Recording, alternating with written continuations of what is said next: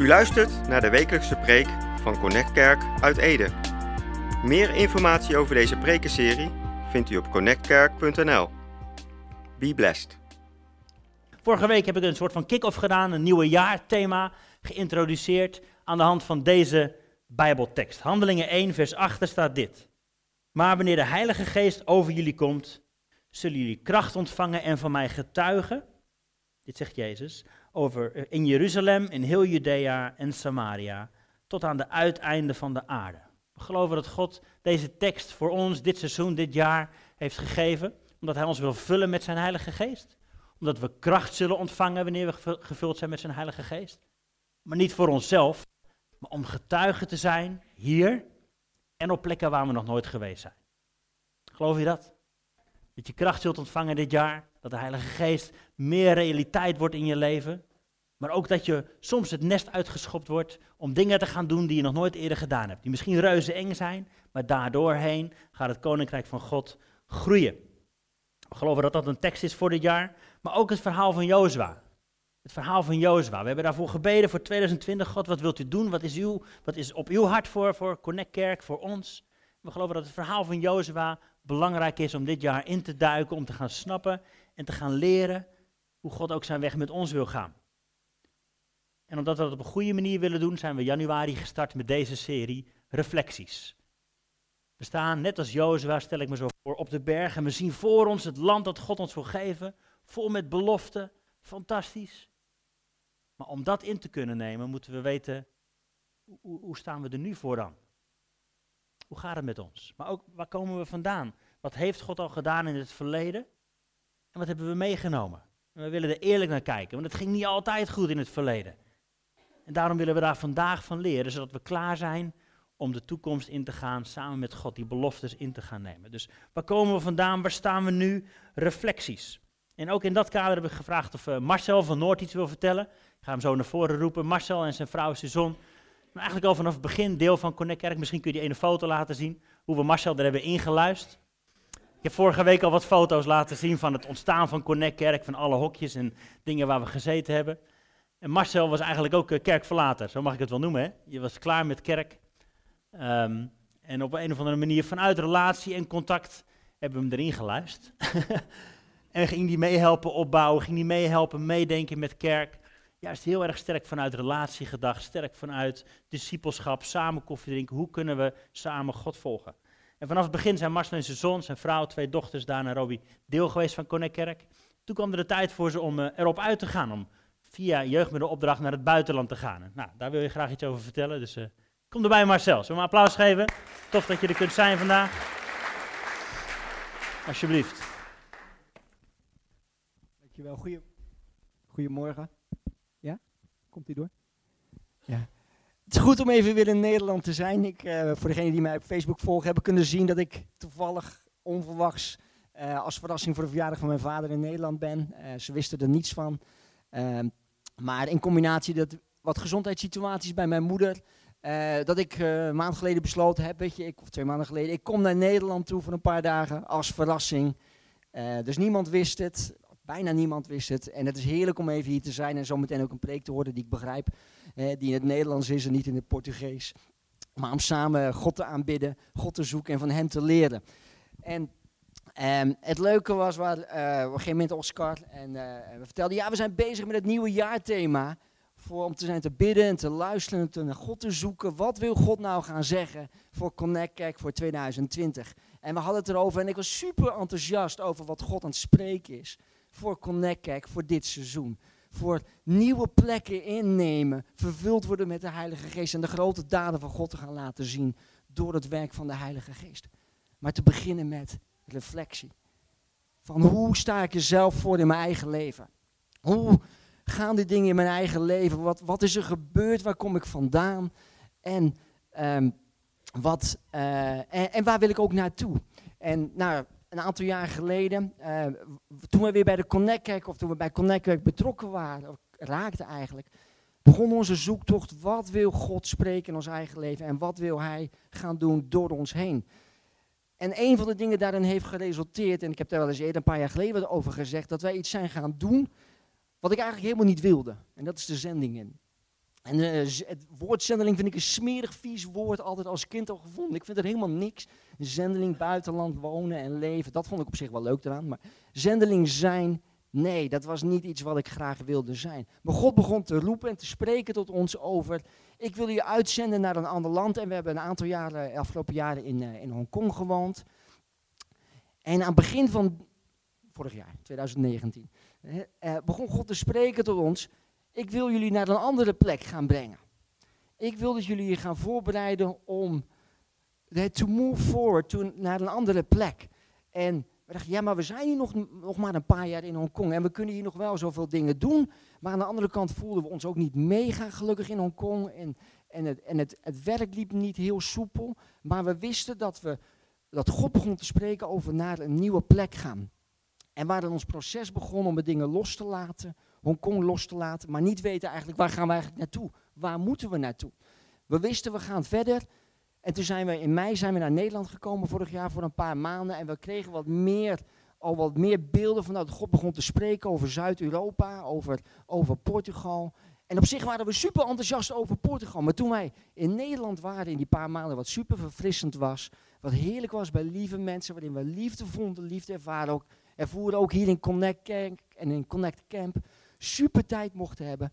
Maar waar op dat moment het probleem in, in als je het nieuws volgt in Hongkong, een grote protest, eh, protesten, heel veel gevechten, vlakbij de plek waar wij woonden en onze vrienden en met wie we veel samenwerkten, zaten in een hele lastige situatie in Hongkong, hè, waar het onveilig was, waar, waar de angst heerde. En wij zaten hier in Nederland en dachten, maar wacht even, nu juist nu we wat konden doen daar zo in Hongkong, en er zijn voor mensen wat, wat op ons hart ligt, zijn wij er niet.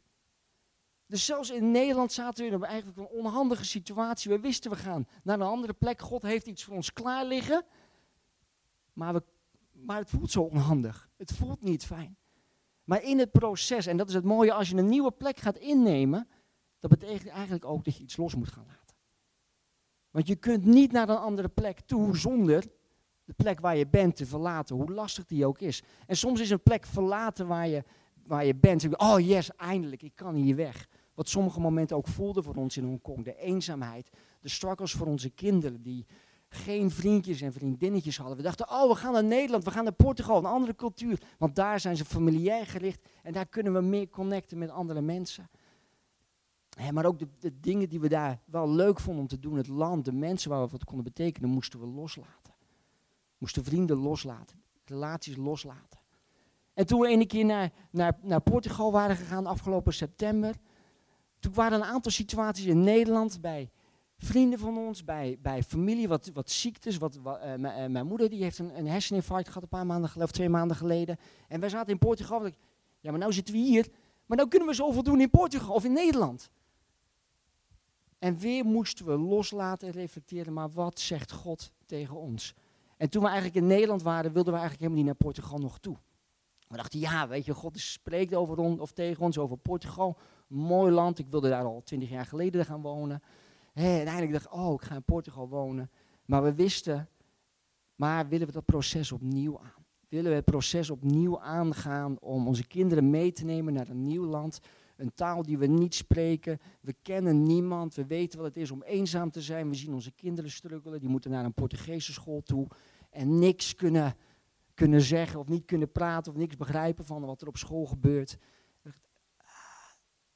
Eigenlijk willen we helemaal niet. En nog steeds denken we soms, wat zijn we aan het doen?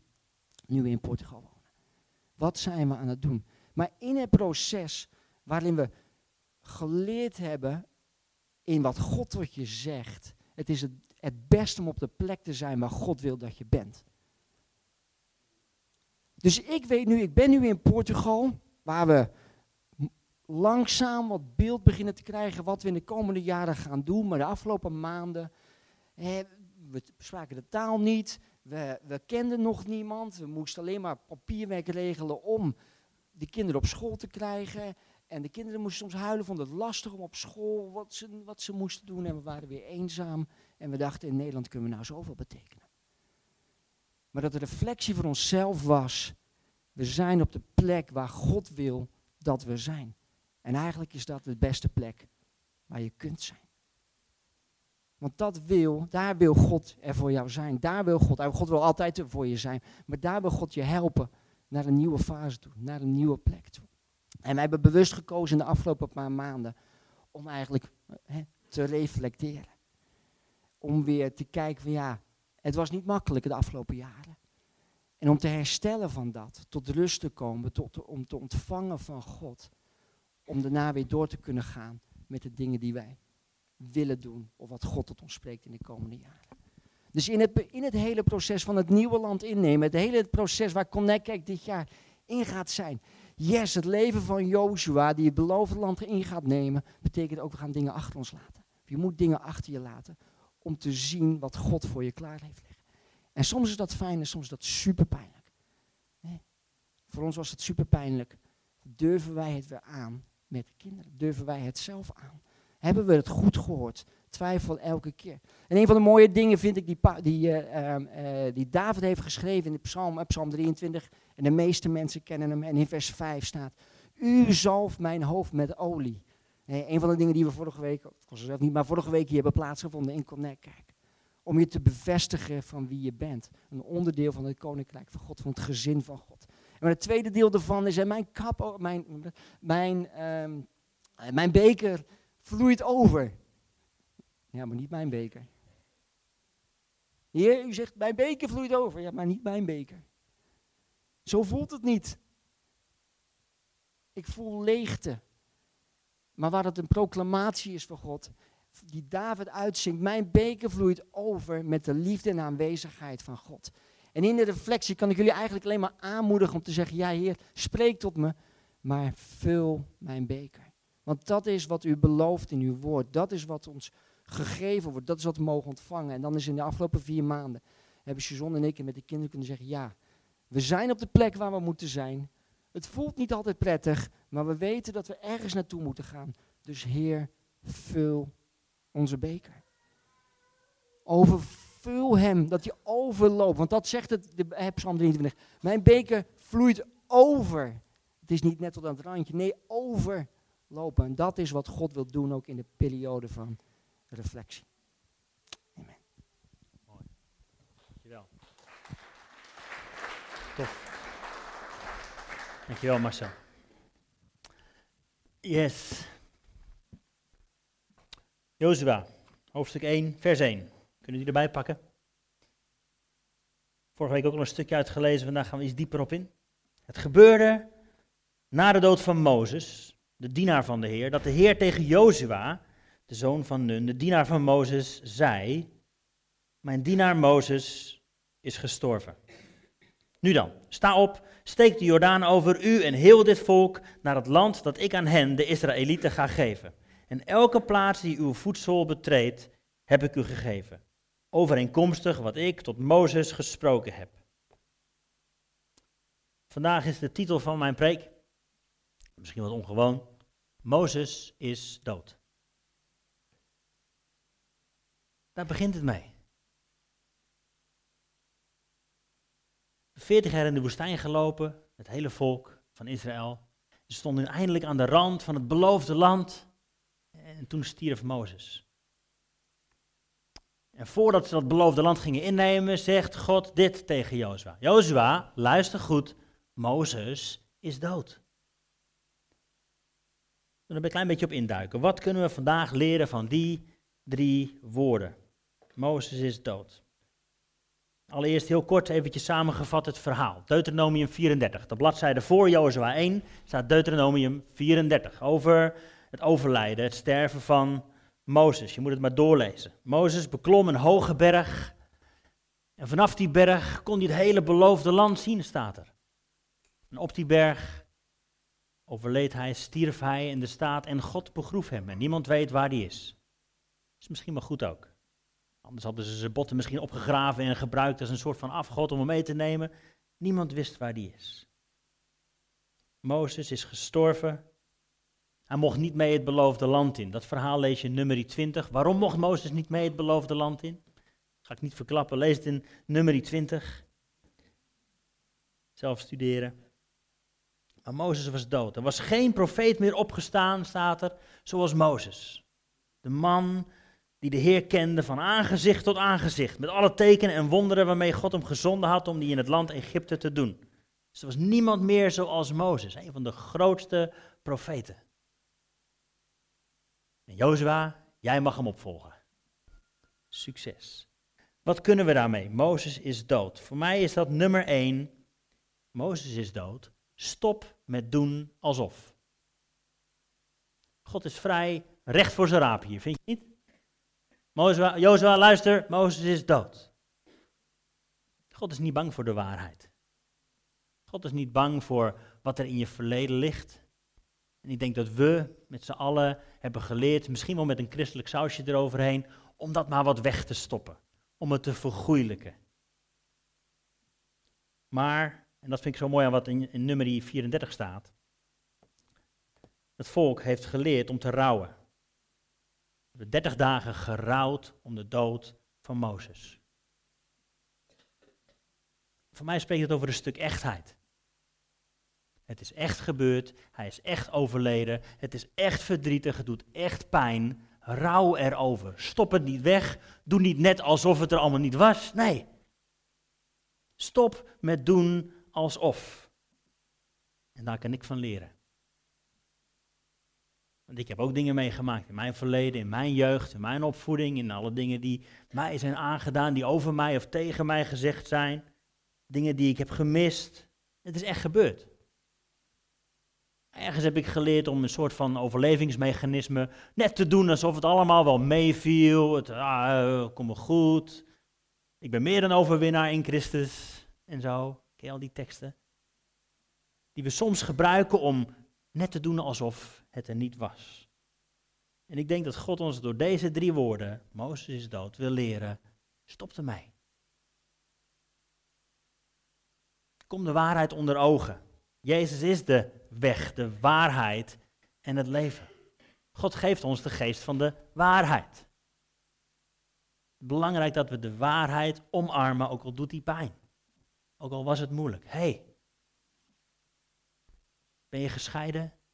Dan, dan is dat zo. Doe niet net alsof. Is je relatie stuk gelopen? Hebben mensen stomme dingen tegen je gezegd? Is er wat pijn, verdriet in je verleden? Dan is dat zo. Je hoeft niet te doen alsof het niet zo was. Je bent geaccepteerd, geliefd, zoals het was. Ja, maar ik ben een nieuwe schepping en al het oude is voorbij. Zie, het is alles nieuw in mij. En zo, die liedjes kennen we. Maar wees echt en wees eerlijk. Mozes is dood. Ik weet niet wat jouw verleden is, maar het is jouw verleden. Wees er eerlijk over, wees er echt over dat is de enige plek om te kunnen gaan beginnen. En God wil ons van alles redden, maar dan moeten we het wel onder ogen zien. Hij wil niet alleen onze ziel redden, hij wil ons helemaal. Nummer 1, stop met doen alsof. Ik hoop dat het je helpt. Nummer 2, voor mij betekent dat Mozes is dood. Wat geweest is, is geweest. Niemand wist waar Mozes begraven lag. Ze konden zijn botten niet opgraven en toch stiekem meenemen het beloofde land in. Nee. Wat geweest is, is geweest. Dat is eigenlijk wat Marcel net ook noemde. Wat je achter je moet laten, moet je achter je laten. Natuurlijk, kom het onder ogen, wees er eerlijk over en geef het een plek in het verleden. Daar was het, daar hoort het. Dat moest het volk Israël ook leren. Al die jaren in de woestijn, ze waren bevrijd, ze waren honderden jaren lang slaaf geweest in Egypte. En toen liepen ze in de woestijn, toen dachten ze nog, eigenlijk hadden we beter in Egypte kunnen blijven. Moeilijk om iets achter te laten. Ook al waren ze onderdrukt, ook al zijn ze daar misbruikt als slaven, toch dachten ze, ja, we hadden daar wel af en toe vlees. Zo viel eigenlijk toch best mee.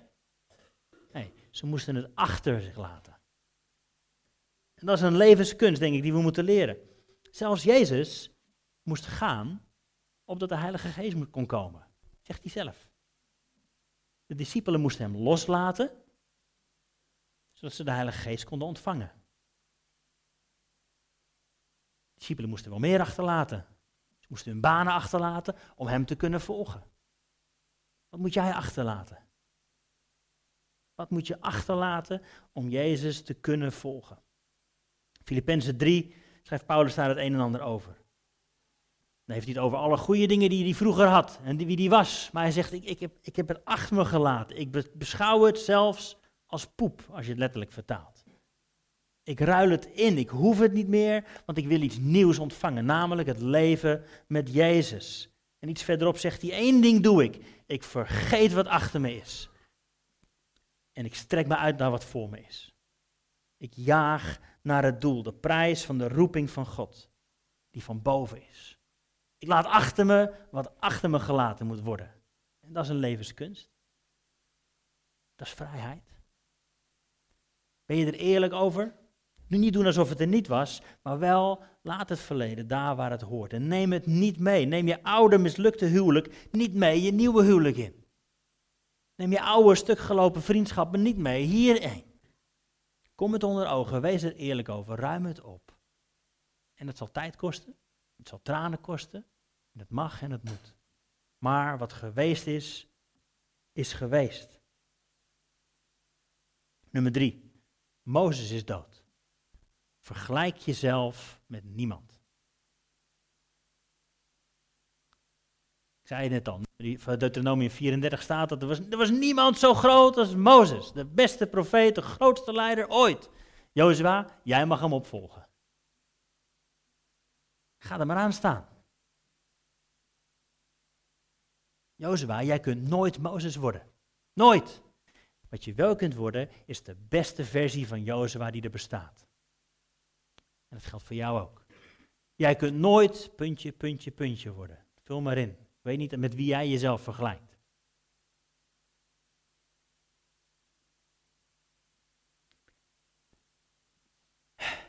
Koning Saul, die heeft hetzelfde meegemaakt. 1 Samuel 9, kun je dat verhaal lezen. Saul werd geroepen als koning van Israël.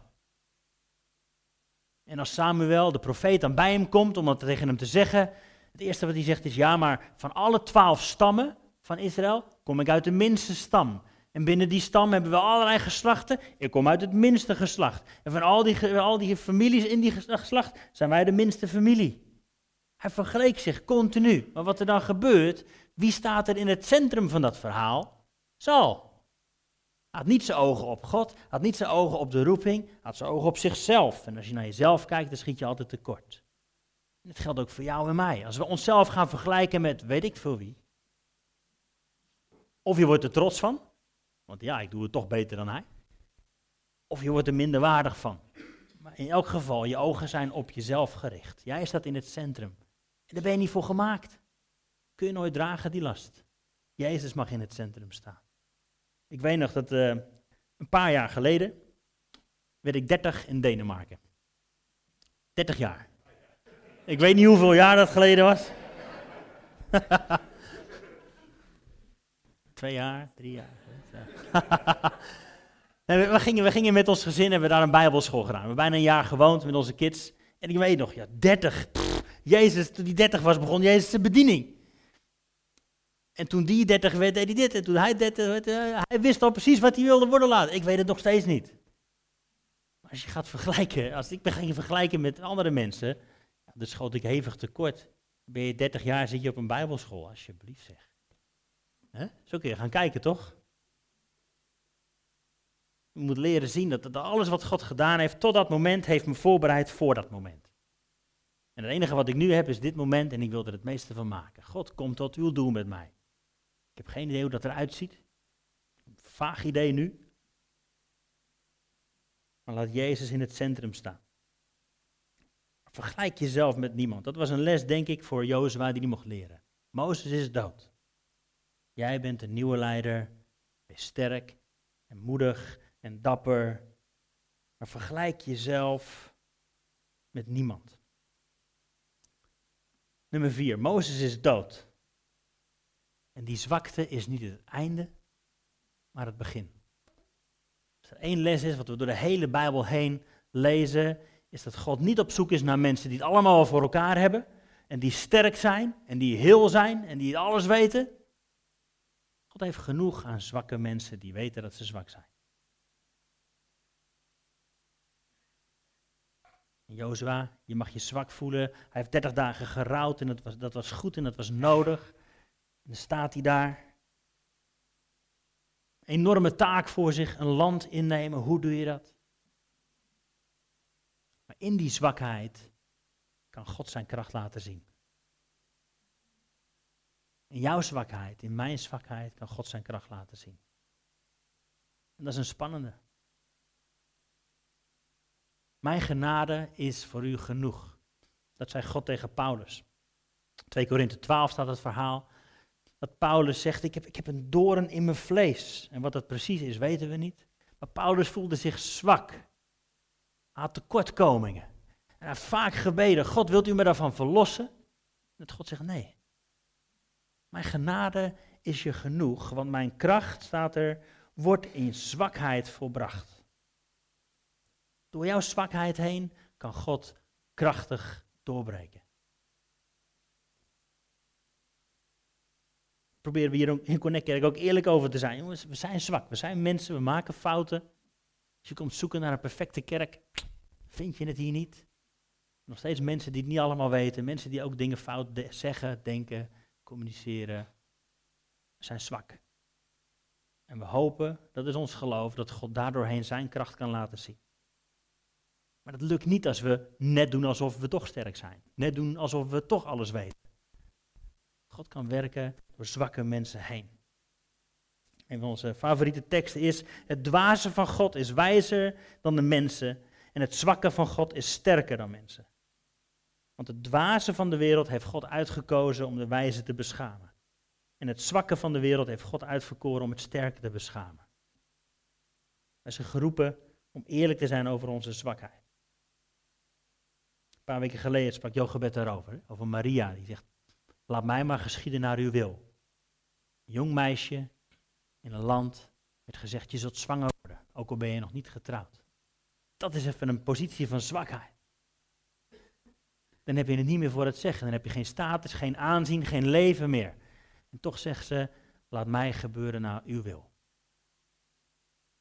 Kunnen we er ook zo in staan? Met al onze zwaktes, met al onze twijfels, met al ons verleden.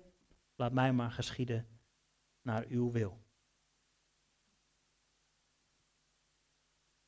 En als laatste, Mozes is dood, maar Jezus leeft. Jezus leeft.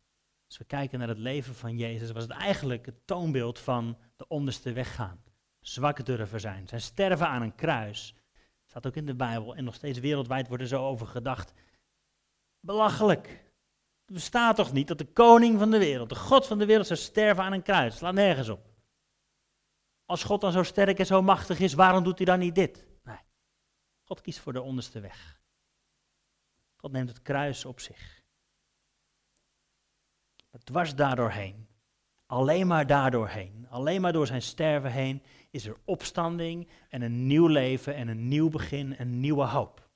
Ook voor jou, ook voor mij, ook vandaag. Niet langer ik leef, maar Jezus in mij. Mozes is dood, maar Jezus leeft. Er is een nieuw begin voor jou. Een nieuw begin voor mij. Er is een nieuwe hoop. Kunnen we die omarmen? Kunnen we dat ontvangen? Dat is de enige manier om dat ontvangen, is je handen open te hebben en vrij te hebben. En alles wat je daarin vast wilt houden, je eigen kennis, je eigen status, je eigen wijsheid, je eigen ik, moet je los durven laten, je handen open durven doen. En dan ben je zwak. En dan ben je naakt. Dan weet je het allemaal niet. Maar dat is de enige plek waarop je kunt ontvangen dat wat God aan je wil geven. Mozes is dood. Stop met doen alsof. Mozes is dood, maar wat geweest is, is geweest. Vergelijk jezelf met niemand. Jouw zwakte is niet het einde, maar het begin. En het begin vind je in Jezus. Ik zou je willen vragen om te gaan staan, dan gaan we afsluiten met gebed. Ik zou je inderdaad willen vragen om je handen open te houden. Heel simpel. En daarmee uit te drukken. Heere God, wat ik, wat ik vast had, heb gehouden, wil ik loslaten. Wil ik aan u teruggeven. En ik wil uw leven ontvangen. Dat is de, de omwisseling naar het kruis. Zijn dood geeft ons leven. We mogen nieuwe hoop ontvangen. En ook als we het net, net hadden over, over terugkijken, op reflecteren. Waar, waar komen we vandaan? Wat is er allemaal gebeurd? Wat is er gezegd en gedaan in ons verleden? We willen dat leren loslaten. En zeggen, Heere God, wilt u erin komen? Het is echt gebeurd, het was echt verdrietig, het heeft echt pijn gedaan. Maar u kunt het echt genezen. Er is echte vergeving, er is echte hoop in die ontmoeting met u. Terwijl de muziek rustig speelt, willen we de Heilige Geest uitnodigen om te komen op die plek in ons leven waar we hem nodig hebben. Om onze ogen weer te openen voor, voor zijn liefde. You are good, zongen we net. Dat willen we opnieuw gaan ontdekken en ervaren, dat u echt goed bent. U bent echt goed in genezen. U bent echt goed in nieuwe hoop geven. U bent echt goed in onze rommel opruimen. U bent goed in ons verder leiden. U bent goed in het verloren schaap vinden en weer thuis brengen.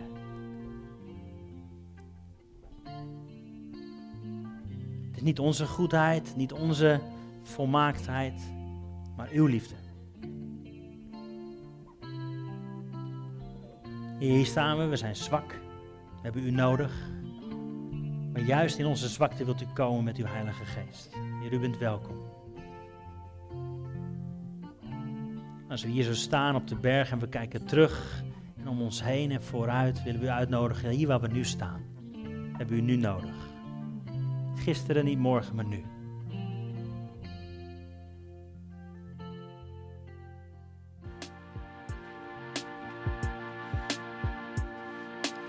U luisterde naar de wekelijkse preek van Connect Kerk uit Ede. Meer informatie over deze gemeente en alle preken over dit thema vindt u op connectkerk.nl of bezoek onze Facebookpagina. Bedankt voor het luisteren en wees tot zegen.